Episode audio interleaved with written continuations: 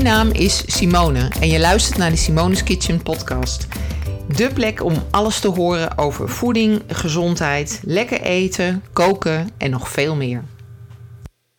Nou, welkom bij alweer de zevende aflevering van de podcast. En ik heb vandaag niet echt een, uh, een interview, dus ik had op Instagram gevraagd of mensen specifieke vragen voor mij hadden. Dus ik heb een hele lijst. En die ga ik vandaag behandelen. Dus ik begin maar meteen met de eerste vraag die binnen is gekomen. En dat is: hoe eet je zelf? Ja, dat is een hele goede vraag. Ehm, in de basis eet ik paleo, maar eigenlijk uh, eet ik alles.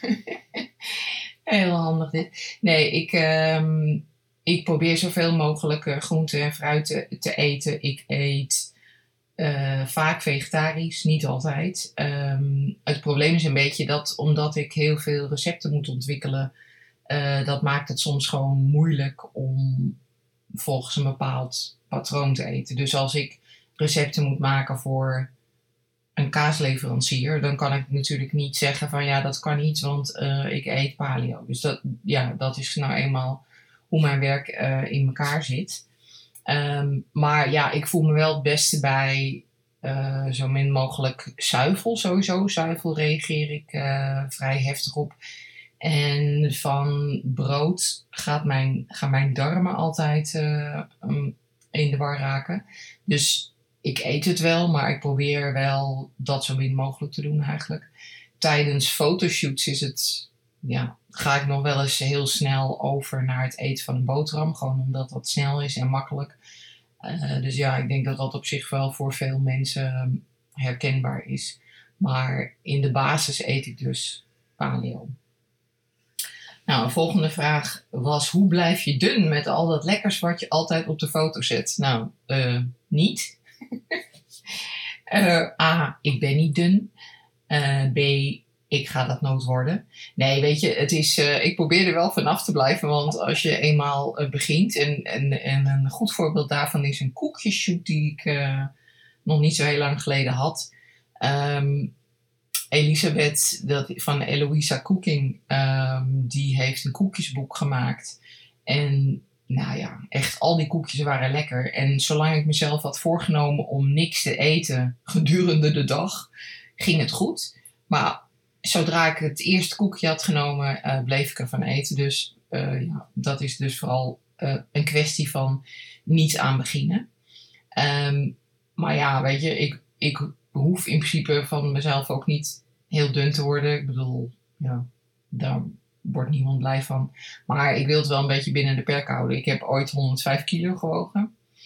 Um, nou, dat is gewoon te veel. Ten eerste ook omdat ik uh, dan last krijg van mijn lijf. Dus nou ja, goed. Dus ik probeer um, zo min mogelijk tussendoor te snoepen. Dat is eigenlijk mijn uh, belangrijkste regel. Um, die niet altijd lukt. Maar goed, dat is een beetje hoe ik het binnen de perken probeer te houden. Nou, daarbij aansluitend is de volgende vraag: wat is jouw guilty pleasure? Wat is het niet? um, ik denk dat een beetje mijn probleem is dat ik alles lekker vind. Dus ik vind zoet lekker en ik vind hartig lekker. Uh, dus, ja, mijn guilty pleasure. Dat is een stilte in de zaal. Ja, ik, ik weet eigenlijk niet precies. Als ik er heel goed over nadenk, is dat eten in het algemeen. nee, ik vind um, een echt goede brownie. Daar kan je me wel echt heel blij mee maken. Maar ook een hele lekkere pasta. Uh, pasta uh, cacio e pepe is een van mijn favorieten. Uh, een pavlova, dat vind ik ook wel echt super lekker. Ja, wat vind ik niet lekker? Dat is een snellere vraag. Um, volgende vraag. Wat is dat gedoe met de Whole 30? Nou ja, ik weet niet wat je gedoe noemt. Um, de Whole 30 is een reset van 30 dagen. Waarin je een aantal voedingsmiddelen uh, weglaat die mogelijk problemen veroorzaken. En na die 30 dagen ga je die weer her, herintroduceren. Wil je trouwens meer weten over de Whole 30 en hoe je die uh, kunt doen? Op 15 september hebben Brenda, en Brenda is Whole 30 coach, en ik een workshop. En die workshop gaat over uh, mindset voor de Whole 30. Dus hoe, ja, hoe doe je dat op de beste manier? En ik laat zien wat voor dingen je dan wel kunt eten. En je, je kunt echt heel lekker eten uh, tijdens de Whole 30. En op mijn site kun je ook van alles vinden over de Whole 30. Ook wat het is precies. En recepten die daarbij passen. Dan, de volgende daarbij aansluitende vraag is: wat is het verschil tussen paleo en Whole 30?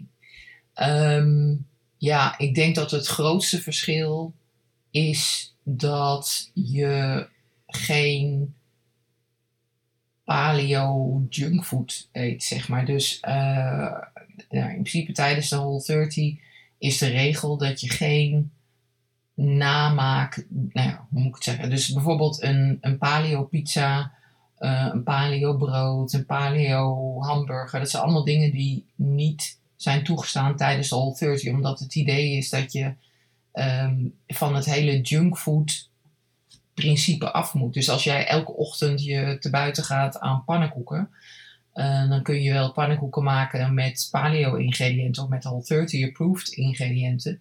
Maar daar, daarmee leer je dat patroon niet af. Dus dat is de zogeheten SWIPO of Sex with Your Pants On. Uh, wat niet is toegestaan tijdens Whole 30. En dat is denk ik het grootste verschil. Dus ik, ik zie het altijd uh, als een strengere variant van paleo. Maar in de basis zitten er wel heel veel uh, overeenkomsten in.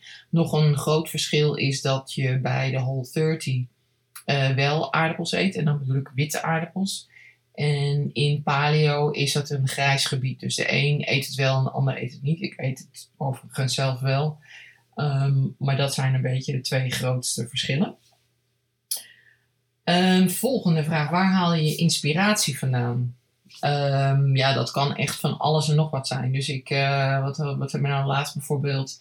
Zaten we te kijken naar die Netflix-serie Chronica's del Taco. Best leuk trouwens.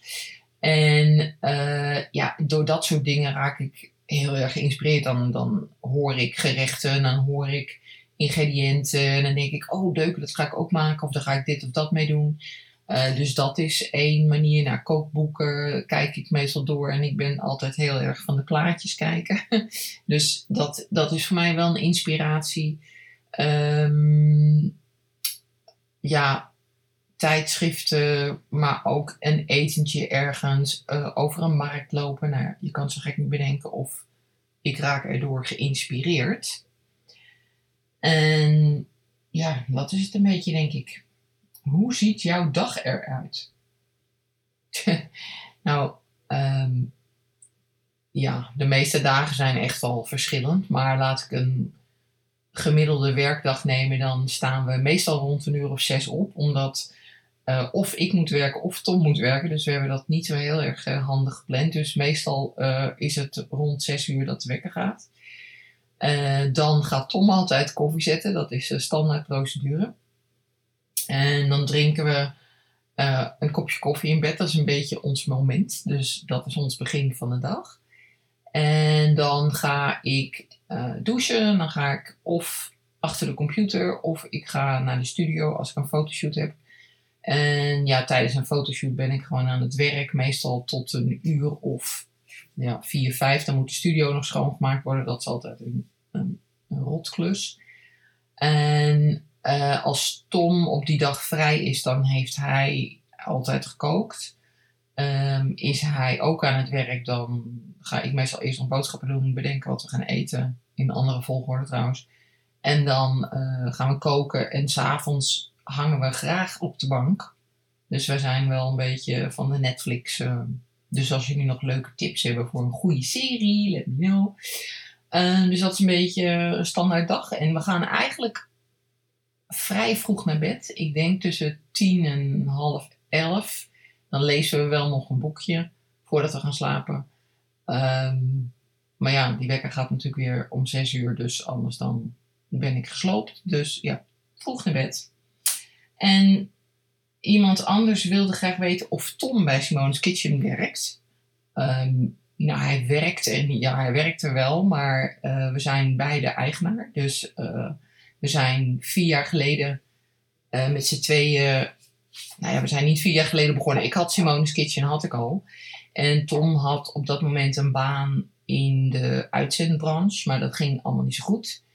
En hij had het absoluut niet naar zijn zin. En nou, hij zat niet lekker in zijn vel. Dus toen hebben we op een gegeven moment zijn we gaan brainstormen van joh, wat zouden we kunnen doen zodat hij ook iets leuks zou kunnen doen wat hij, waar hij blij van werd. En toen hebben we bedacht dat we producten die wij zelf heel lekker vinden op de markt gaan brengen. Nou, dat doet hij inmiddels al. Even denken. Is dat dan al bijna. Nee, dat is, bijna vijf jaar.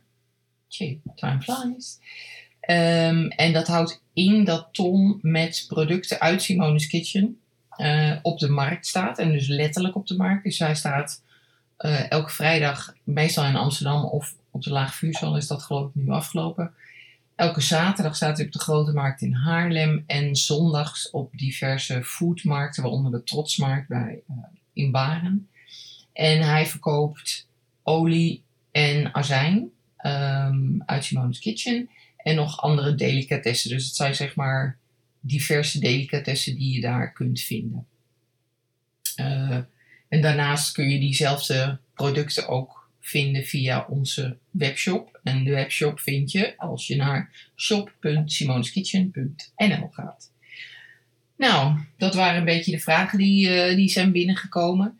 Um, ja, als ik er meer binnen krijg, dan kan ik nog wel eens een keer een, een QA doen. Maar um, volgende week heb ik weer een heel tof interview um, met Renate. Uh, daar ga ik vandaag trouwens heen, maar dat, uh, dat was niet op tijd uh, om het online te zetten. En er staan nog veel meer leuke interviews op de planning, dus dat wordt wel de hoofdmoot. Dus voor nu, dat was het weer en tot de volgende keer.